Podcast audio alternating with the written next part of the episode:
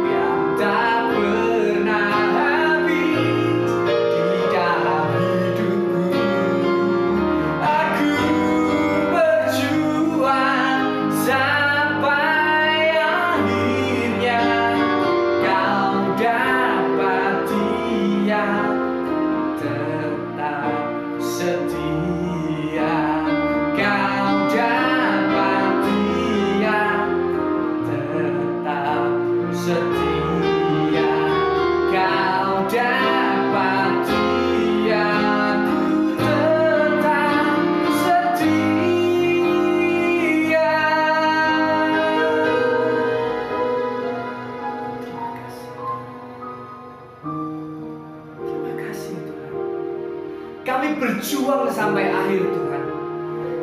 Kami mau taruh destiny kami di hadapan kami agar kami tahu tujuan hidup kami adalah menyenangkan hati Tuhan. Tuhan Yesus, Engkau sungguh baik. Terima kasih Tuhan, terima kasih. Terima kasih Tuhan. Terima kasih. Engkau adalah kasih yang sempurna bagi hidup dari setiap doa kami Tuhan. Di saat kami lelah, di saat kami patah semangat, kami tahu kasih-Mu sempurna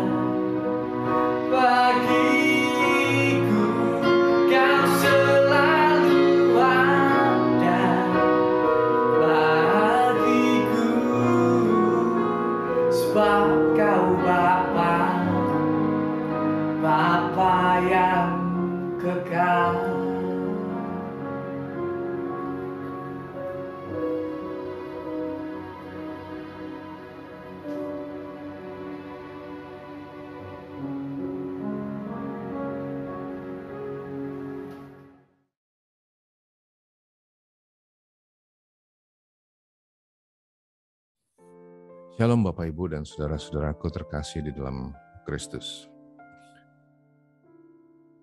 Puji syukur kita terima kasih betul kepada Tuhan karena Tuhan kasih kita kesempatan untuk ketemu.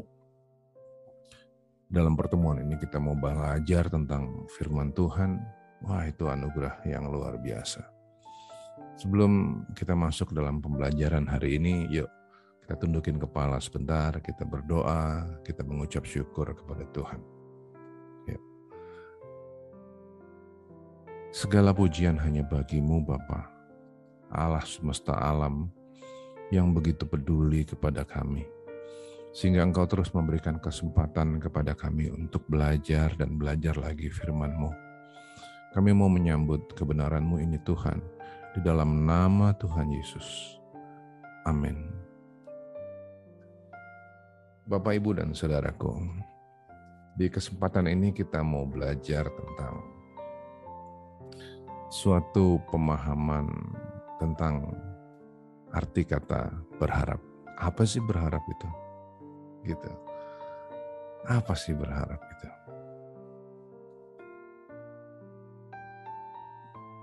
Kekristenan itu ya kan adalah tingkat advance, tingkat master, suatu kemajuan dari suatu agama yang banyak orang bilang agama yang sederhana, yaitu Yudaisme. Jadi ada Yudaisme, dari Yudaisme ini kemudian akan lahir kekristenan. Gitu ya, urutannya gitu, Yudaisme, kekristenan. Sebelumnya kalau mau tarik mundur, sebelumnya ada orang-orang pagan, orang-orang yang nggak kenal Tuhan. Kemudian Tuhan memilih Abraham dan kemudian melalui Musa tumbuhlah suatu agama yang disebut dengan agama Yudaisme.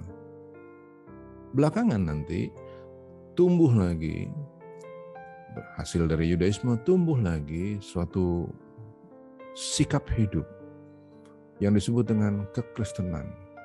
Jadi kekristenan itu tingkat yang lanjut, tingkat yang advance, tingkat yang luar biasa dari suatu agama yang sederhana. Tapi jangan main-main loh. Walaupun agama Yudaisme ini disebut sebagai suatu agama yang sederhana, tapi kebajikannya, kearifannya itu luar biasa mengagumkan. Luar biasa mengagumkan. Nah sekarang, kalau dasar dari kekristenan yang tadi dibilang agama sederhana itu penuh dengan kebajikan dan kearifan, betapa kekristenan itu harusnya menjadi suatu agama atau suatu sikap hidup yang luar biasa mengagumkan. Out of this planet. Harusnya begitu. Out of this planet. Mengagumkan itu yang tingkat yang, oh wow, bisa begitu ya. Harusnya begitu.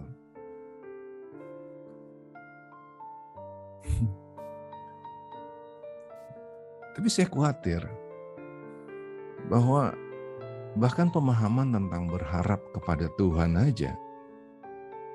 Hari ini banyak orang Kristen yang kok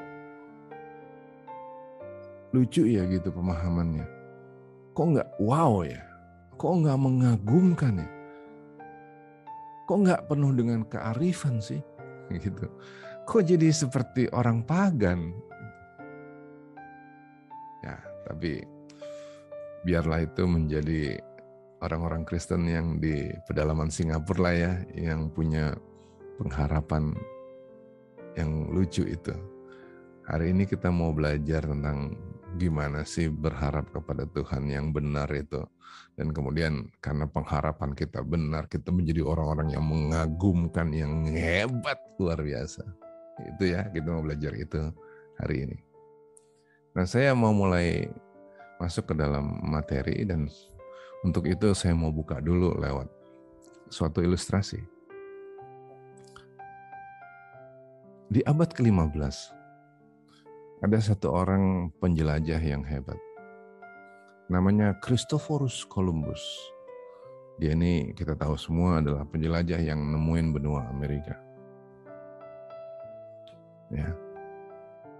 Dalam waktu itu tuh rencananya dia pergi dari Eropa mau menuju ke Hindia Barat, ke areal kita sini dari Eropa, dia kepengen ke ke areal kita sini. Kenapa? Karena areal kita sini, daerah kita sini, wilayah kita sini dari dulu tuh dikenal sebagai penghasil rempah-rempah. Jadi Christophorus Columbus kepengen nemuin area kita ini. Jadi berangkatlah dia dari Eropa. Akhirnya bukannya Hindia Barat yang ditemuin, tapi dia malah nemuin benua Amerika.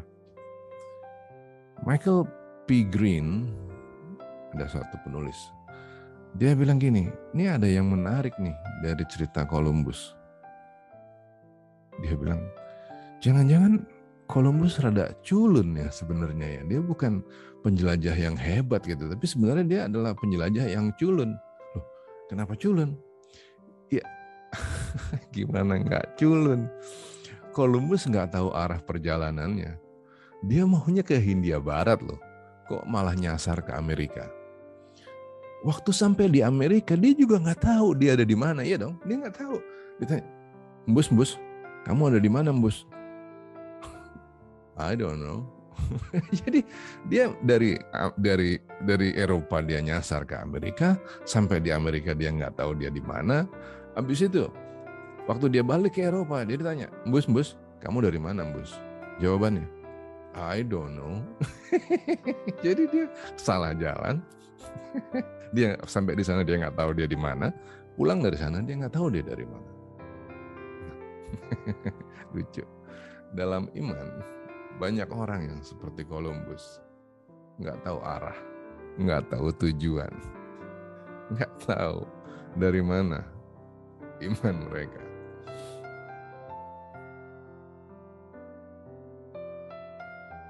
Dalam perkara tentang berharap kepada Tuhan.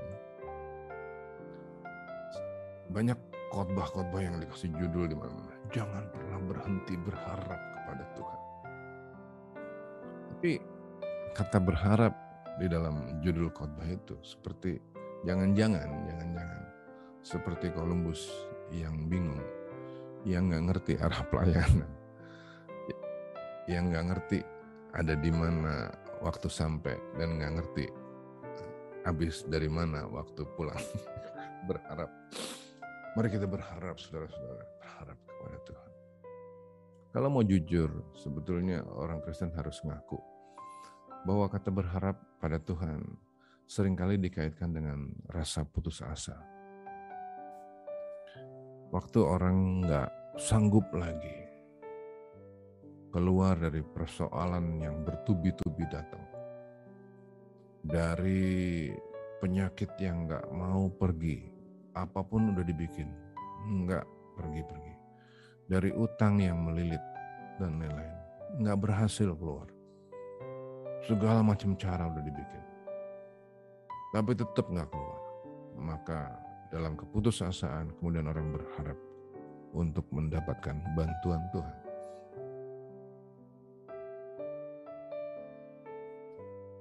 Berharap kalau seperti ini sesungguhnya sangat bertolak belakang. Tubrukan sama iman Kristen, tubrukan habis-habisan. Kenapa? Karena orang yang berharap itu nggak nggak nggak nggak pasif. Kalau tadi udah udah udah mentok, udah nggak berhasil keluar dari masalah, kepepet dalam segala hal, kemudian secara pasif ya udah deh kalau gitu.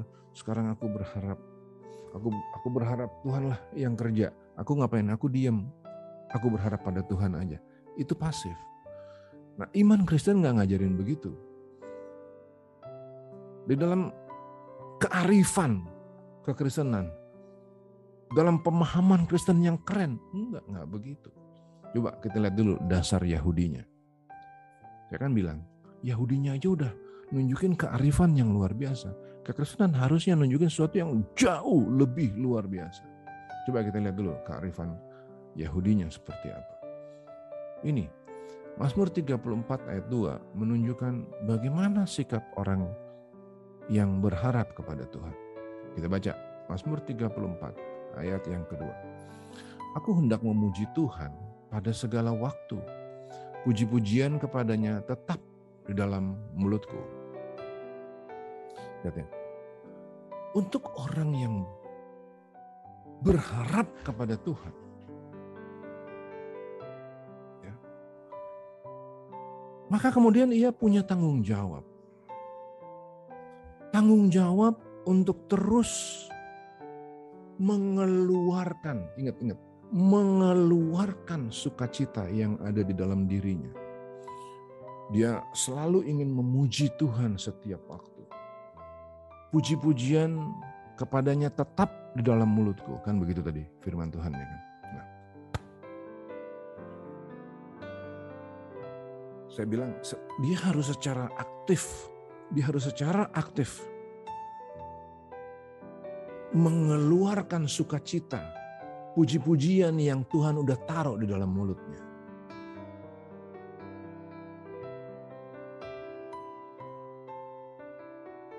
Coba kita praktekin ya.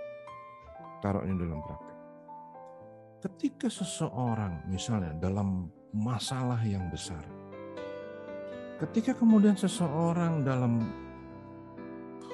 keterpurukan yang menyedihkan, luar biasa. Aduh udah pokoknya kayak Ayub deh. Aduh semuanya habis hancur-hancuran. Tuhan berkata, Tuhan menginginkan ya, Tuhan menginginkan dalam segala masalah itu kita tetap berharap kepada Tuhan. Amin kan? Iya, amin. Tapi orang yang berharap kepada Tuhan tuh nggak ah, nggak pasif. Dia harus berusaha dalam keterpurukannya, dalam kesulitannya. Dia sungguh-sungguh, dia bertanggung jawab untuk terus mengalirkan sukacita, mengalirkan puji-pujian yang memang Tuhan udah taruh di dalam hidupnya. Untuk mengalirkan roh kudus, damai sejahtera, sukacita, memikirkan hal-hal yang di atas, yang berkenan, hal-hal yang mengagumkan, itu yang harus dia pikirin. Dan itu aktif loh. Itu bukan sesuatu yang ayo kita berdoa saudara-saudara supaya Tuhan dengan roh kudus menimbulkan sukacita di dalam hidup kita. Enggak. Tuhan bilang, udah di dalammu sayang. Sukacitanya itu sudah ada di dalammu. Kamu yang harus mengalirkan itu. Tapi gimana caranya? supaya kita tetap bisa bersuka cita. Orang lagi susah. Emangnya gue robot? Iya ngerti, ngerti, ngerti banget. Bagaimanapun ada duka cita. Bagaimanapun ada kekecewaan. Mungkin kita bilang, aduh gitu.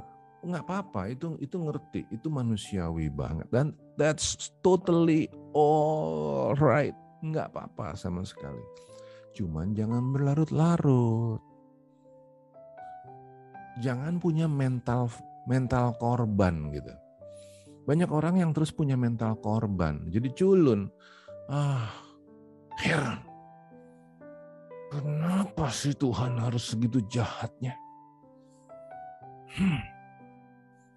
Kenapa kalau Tuhan, ya aduh kayak Ayub ya. Ayub tuh di ayat 7, Ayub 7 sampai ayat 9 tuh marah-marah terus mentalnya mental korban. Tuhan, engkau luar biasa besar. Siapa yang bisa ngelawan Tuhan? Tapi ngapain sih Tuhan harus berurusan sama manusia? Banyak orang punya mental korban begitu. Kenapa Tuhan harus begitu kejam? Mental korban, ini pertanyaan-pertanyaan begini ini mental korban. Kenapa sih Tuhan harus menghukum Apakah aku di dalam kutukan? Ya itu mental korban, asli mental korban. Orang yang berharap kepada Tuhan tuh nggak boleh punya mental korban begitu. Memang bisa, sangat bisa dimengerti dan it is totally alright kalau untuk sementara waktu kita berduka cita, untuk sementara waktu kita shock, kita kaget dengan segala manifestasinya. Ngerti banget, jangan berlarut-larut. At some point kita harus menghidupi firman Tuhan ini. Dan kita berkata, Tuhan, aku mau secara aktif berharap kepadamu. Dan aku jadi ngerti Tuhan, bahwa ketika aku berharap kepadamu, maka aku yang harus mengalirkan sukacita itu. aku yang harus secara aktif kemudian berkata, terpujilah nama Tuhan. Aku mau mengalirkan semua damai sejahtera, sukacita itu di dalam nama anakmu Tuhan, Yesus Kristus. Keren. Kalau begitu cara pikirnya, keren. Jadi ya, balik lagi, ulang lagi ya. Orang yang berharap kepada Tuhan tidak boleh pasif. Orang yang berharap kepada Tuhan harus aktif. Nah, ini bukan cuma soal memuji Tuhan ya. Tadi kalau dalam ayatnya kan memuji Tuhan. Dalam segala aspek hidup kita. Dalam segala aspek hidup kita. Dalam kesulitan apa pun, kondisi apa pun. Sebagai orang yang berharap kepada Tuhan. Secara aktif kita usahakan supaya tetap ada kedamaian, sukacita, damai sejahtera. Lebih dalam lagi nih, supaya di dalam segala persoalan, di dalam segala kondisi, kita dengan hikmat mencoba cari jalan keluar. Itu tugas kita.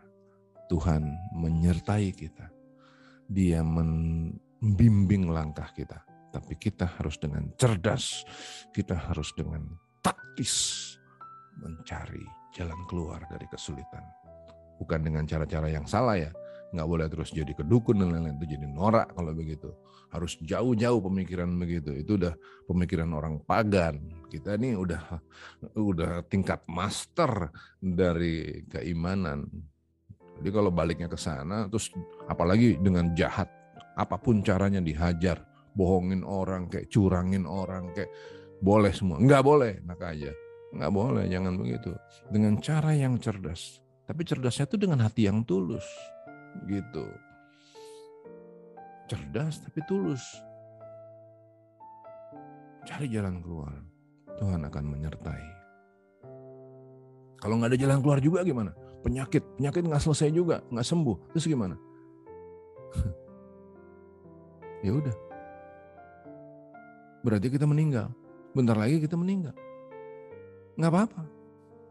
Kenapa nggak apa-apa bang? Ya nggak apa-apa dong.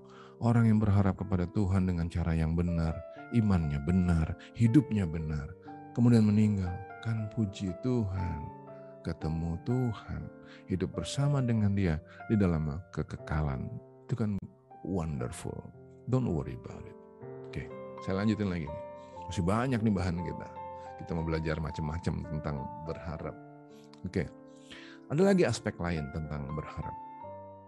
Dan hal ini diajarkan oleh Paulus kepada jemaat di Efesus. Ditulis oleh Paulus sebagai berikut dari Paulus, Rasul Kristus Yesus oleh kehendak Allah. Kepada orang-orang kudus di Efesus, orang-orang percaya dalam Kristus Yesus, kasih karunia dan damai sejahtera dari Allah, Bapa kita dan dari Tuhan Yesus Kristus menyertai kamu.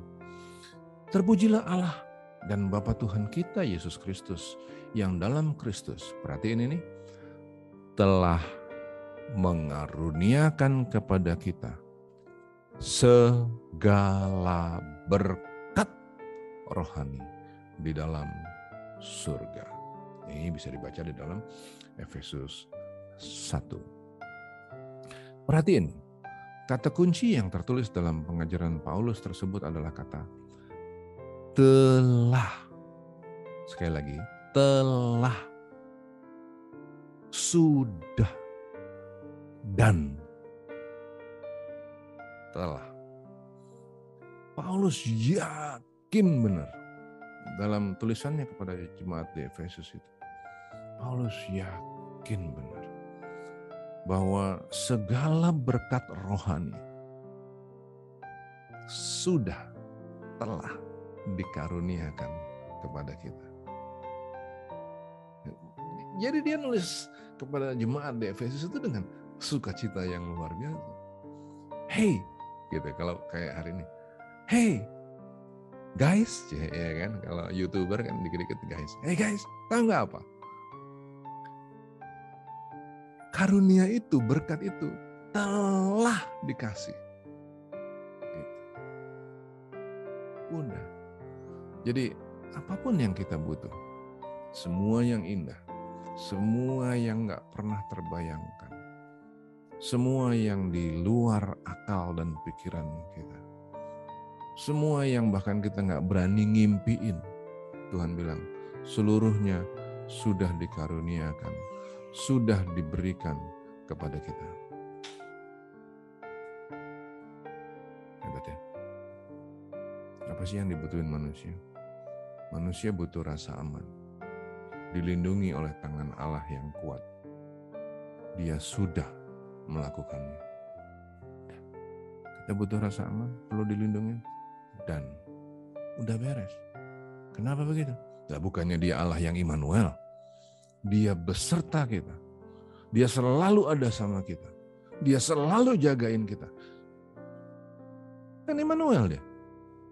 Udah dong. Kita butuh kesehatan. Siapa sih yang nggak butuh kesehatan? Dia sudah menyediakan kesehatan. Stabilitas finansial. Dan it's given to you. Already. Telah. Sudah dilakukan. Butuhan apa? Stabilitas finansial. Sudah dia sediakan. Apa pun. Apa pun itu. Dia sudah sediakan bagi kita ini kita tuh meng, kita tuh punya Allah yang luar biasa. Bukan Allah kaleng-kaleng. Kalau Allah kaleng-kaleng itu tiap kali harus diingetin supaya Allah itu kemudian menyediakan kepada kita hal-hal yang kita butuh. Tapi hal-hal kita tapi Allah yang kita sembah itu adalah Allah yang mengetahui mengetahui dengan jelas persis banget apa yang menjadi kebutuhan kita. Tuhan berkata, nggak ada satu rambut pun yang jatuh tanpa izin dari dia. Allah yang hebat, luar biasa mengagumkan ini, kemudian berkata bahwa dia telah menyediakan segala sesuatu, apa pun yang kita butuh. Mudah, beres.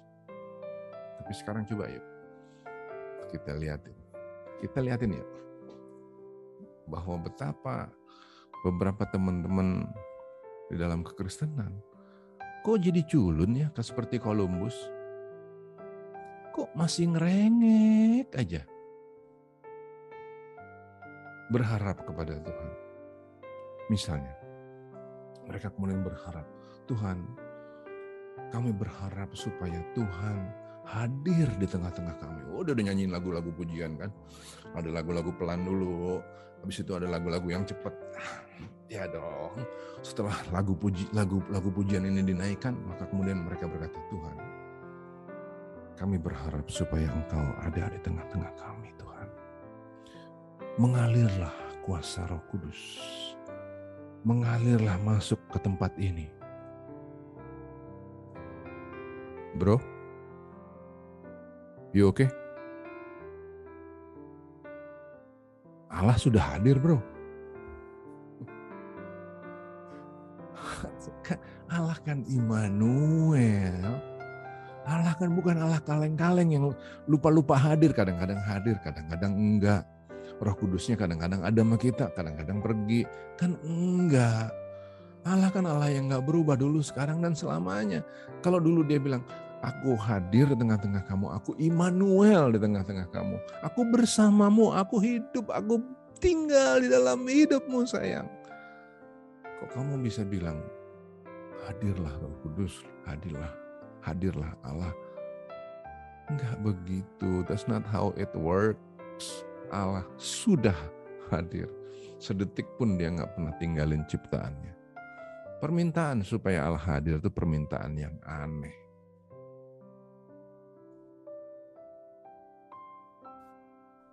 Aneh Karena Allah ada di tengah kita, dia hidup di dalam kita. Tubuh kita ini adalah baitnya. Tapi kita nggak ngerasa bahwa dia hadir. Sehingga kita manggil-manggil dia. Aneh nggak? Siapa yang aneh coba? Aneh loh. Kalau kita masih manggil-manggil Tuhan supaya dia hadir, aneh loh, asli aneh. Asli aneh. Sebab dia sudah hadir. Kok kita nggak merasa? Where have you been? Kok bisa nggak ngerasa ya? Aneh loh. Jangan-jangan kita nggak bisa ngerasain keberadaan Allah di dalam hidup kita. Karena memang kita nggak peka. Jangan-jangan karena kita terlalu seru sama diri kita sendiri. Eh sorry. Sorry, sorry, sorry. Sorry. Saya bilang kita, kita, dan kita. Enggak lah. Saya salah ngomong. Ini orang-orang Kristen di pedalaman Singapura. Kalau kita yang dengerin firman Tuhan ini, kita peka kan? Kita peka bahwa roh Allah ada di dalam kita. Bahwa tubuh kita ini adalah bait Allah dan karena itu kita peka terhadap kehadiran Allah di dalam hidup kita. Katakan amin. Amin. Amin. Jangan pura-pura tapi. Jangan pura-pura tapi.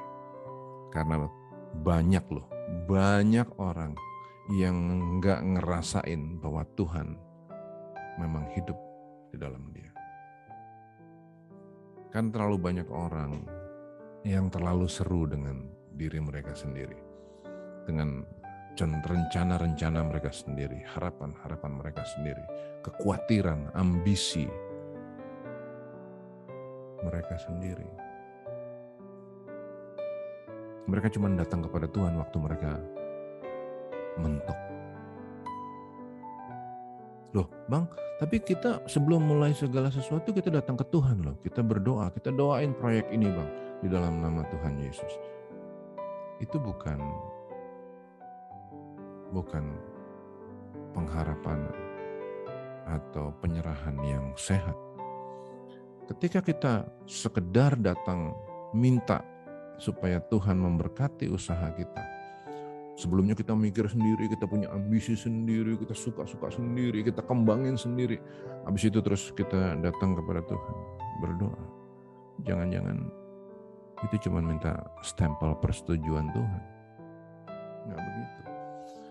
Kalau memang kita berharap kepada Tuhan, kita pertama harus sadar dulu bahwa memang hidup kita ini adalah milik Tuhan. Tuhan hidup di dalam kita. Kita adalah baitnya.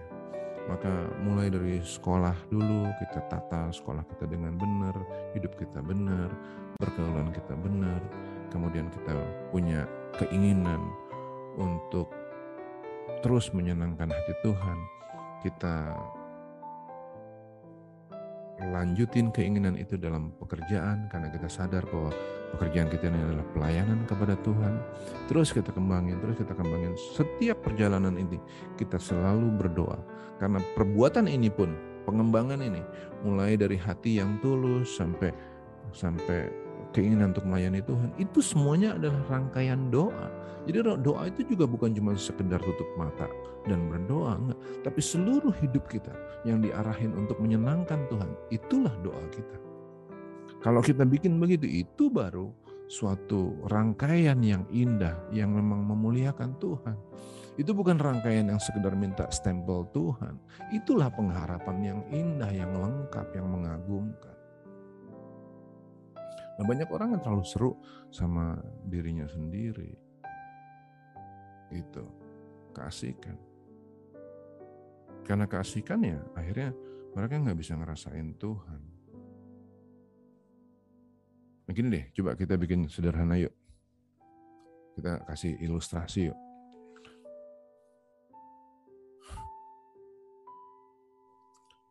Merasakan kehadiran Tuhan itu seperti layaknya kita menerima message di handphone di sekeliling kita ini ada sinyal loh. Ini selalu ada sinyal. Di sekeliling kita ini selalu ada sinyal message, data yang bertebaran, yang yang yang yang terbang-terbang di langit, di udara sini yang kita nggak bisa ngelihat.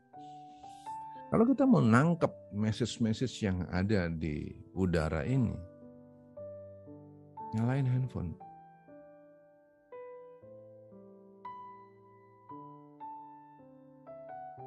Kalau kita lihat loh, kok di sini kok nggak ada nggak ada message masuk ya? jangan buru-buru telepon ke providernya kan. Nyalain dulu handphonenya. Nyalain sinyalnya, udah nyala belum sinyal? Begitu sinyal udah nyala kan langsung masuk tuh message-message banyak. Nah sama, Seringkali orang nggak bisa ngerasain kehadiran Tuhan, nggak bisa ngerasain kehendak Tuhan, nggak bisa ngerasain kedamaian, sukacita dalam Tuhan. Kenapa? Karena mereka belum nyalain receivernya. Mereka terlalu seru sama diri sendiri. Dengan keegoisan mereka. Segala sesuatu dihitung dari gue dapat apa? Di mana untung gue? Wah itu asik tuh. Kayaknya menarik tuh gue mau tuh. Bukan soal Tuhan mau. Enggak, enggak, enggak banyak orang mikir apa ya yang menyenangkan Tuhan. Apa ya yang bikin Tuhan jadi bangga sama kita. Enggak. Orang mikirnya asik tuh. Gue mau. Oh dia punya loh. Gue juga mesti punya nggak tahu gimana caranya, tapi gue harus punya. Lebih bagus dari yang dia punya. Dia punya warna biru, gue mau yang warna lebih keren lagi. Tuh. Begitu tuh bikin receiver kita jadi rusak. Receiver kita jadi nggak nyala. Balik ke kata berharap. Ketika orang bilang, aku berharap supaya Tuhan hadir di tempat ini. Sebenarnya itu egois. Mereka memang minta kehadiran Allah, betul. Tapi kenapa mereka minta kehadiran Allah di tempat itu? Karena mereka kepingin Allah segera nyelesain masalah mereka. In a way, mereka bilang gini, gue udah capek ngadepin semua ini. Tolong sekarang Tuhan yang beresin. Begitu. Itu egois.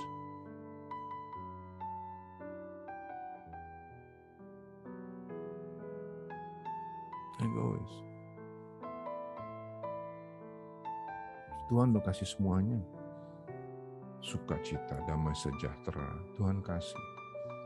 Dia ada di tengah-tengah kita selalu. Nggak pernah ditinggalin. Kesehatan, Tuhan dia udah kasih kesehatan ke kita. Jadi kalau ada orang berharap kepada Tuhan minta sembuh, minta sehat, aneh juga itu. Orang Allah udah kasih kesehatan. Ia sendiri telah memikul dosa kita di dalam tubuhnya di kayu salib supaya kita yang telah mati, catat nih, yang telah mati terhadap dosa, yang telah mati terhadap keakuan. Dan karena itu hidup untuk kebenaran. Oleh bilur-bilurnya kamu telah sembuh. Ketika kita mati bagi keakuan kita, ego kita, self-centeredness. Tuhan katakan, untuk kamu yang telah mati bagi dosa, dan kamu, untuk kamu yang hidup untuk kebenaran. Dengarkan, oleh bilur-bilurnya kamu telah sembuh. Dan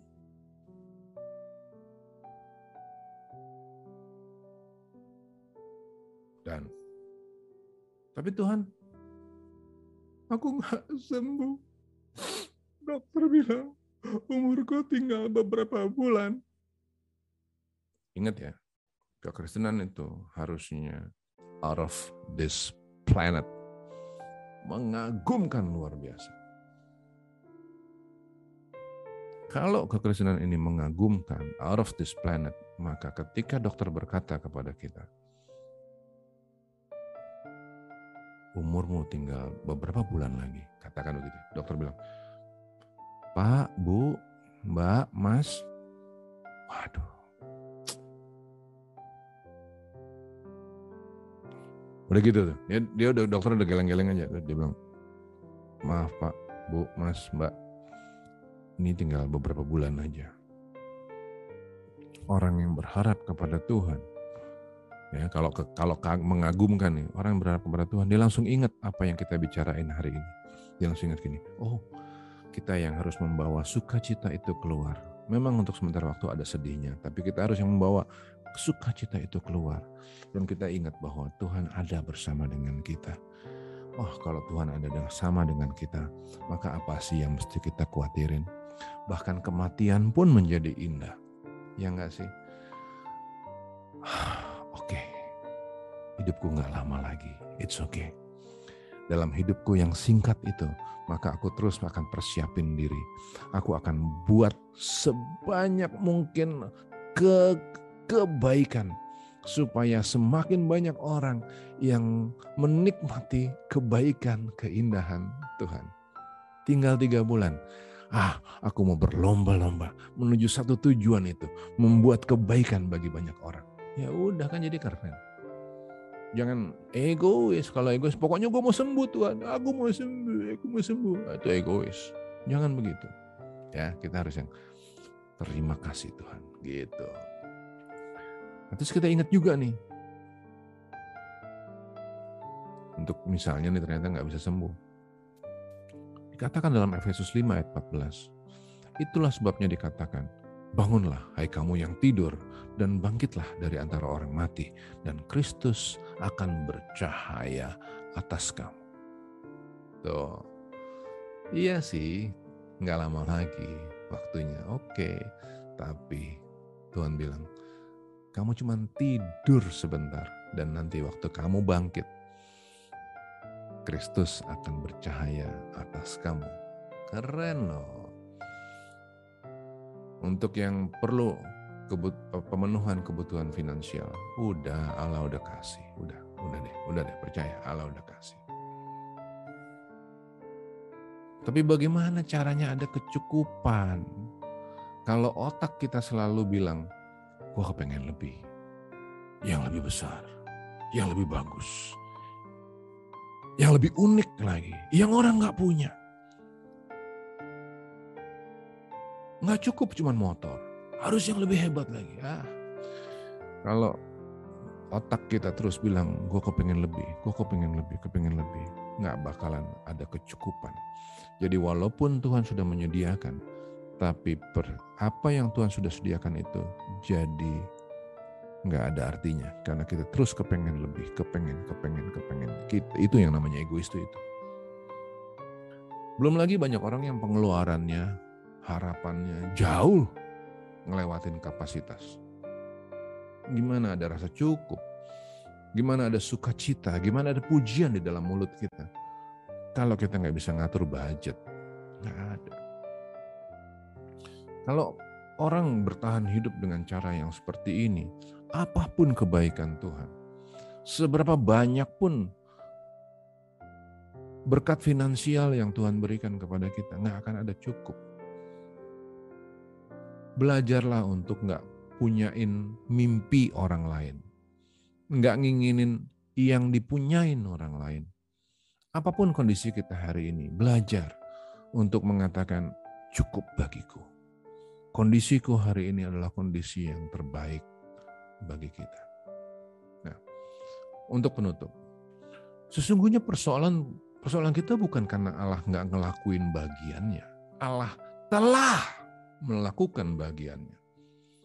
Persoalannya adalah karena kita tidak mempertahankan bagian kita. Itu dia. Kita tidak mempertahankan bagian kita.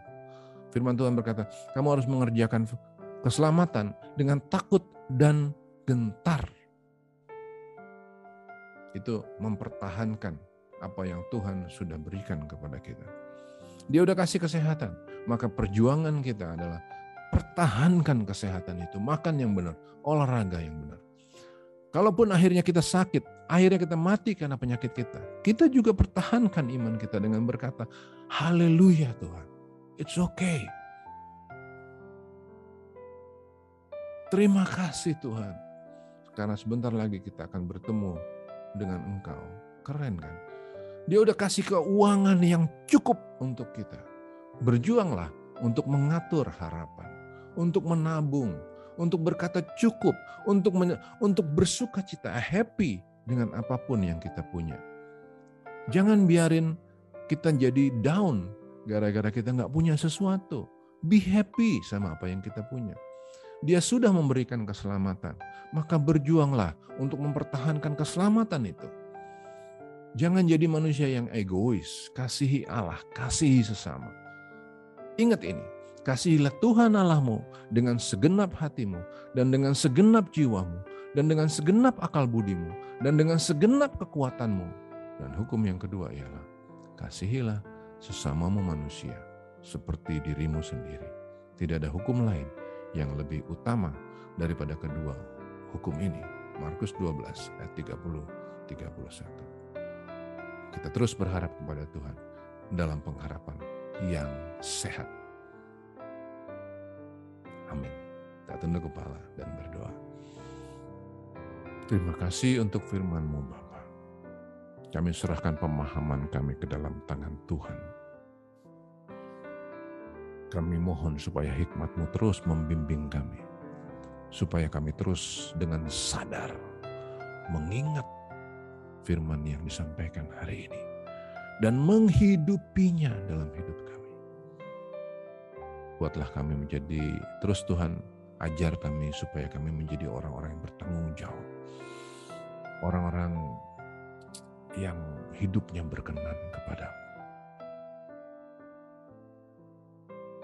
Terpujilah namamu. Dalam nama Tuhan Yesus kami berdoa. Amin.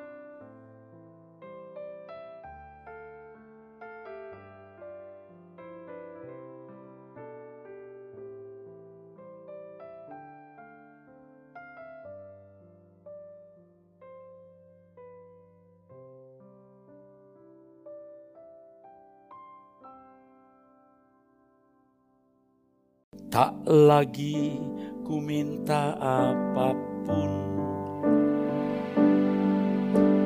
Kepadamu Bapa di surga Hanya engkau kebutuhanku Kerinduanku. Hanya satu saja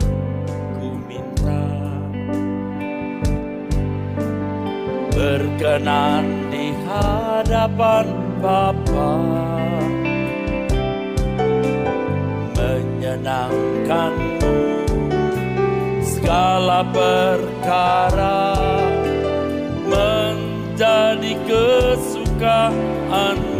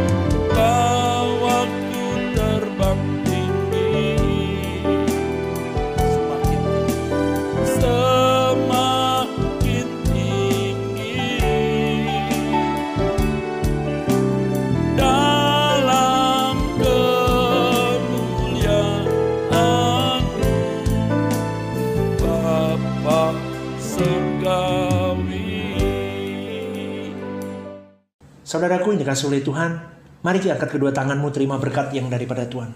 Oh haleluya Jesus. Berkat Bapak Abraham, Bapak Isa dan Bapak Yakub di dalam iman kepada Yesus Kristus turun atasmu. Tuhan memberkati engkau dan melindungi engkau. Tuhan menyinari engkau dengan wajahnya dan memberi engkau kasih karunia. Tuhan menghadapkan wajahnya kepadamu dan memberi engkau damai sejahtera. Haleluya. Amin. Amin.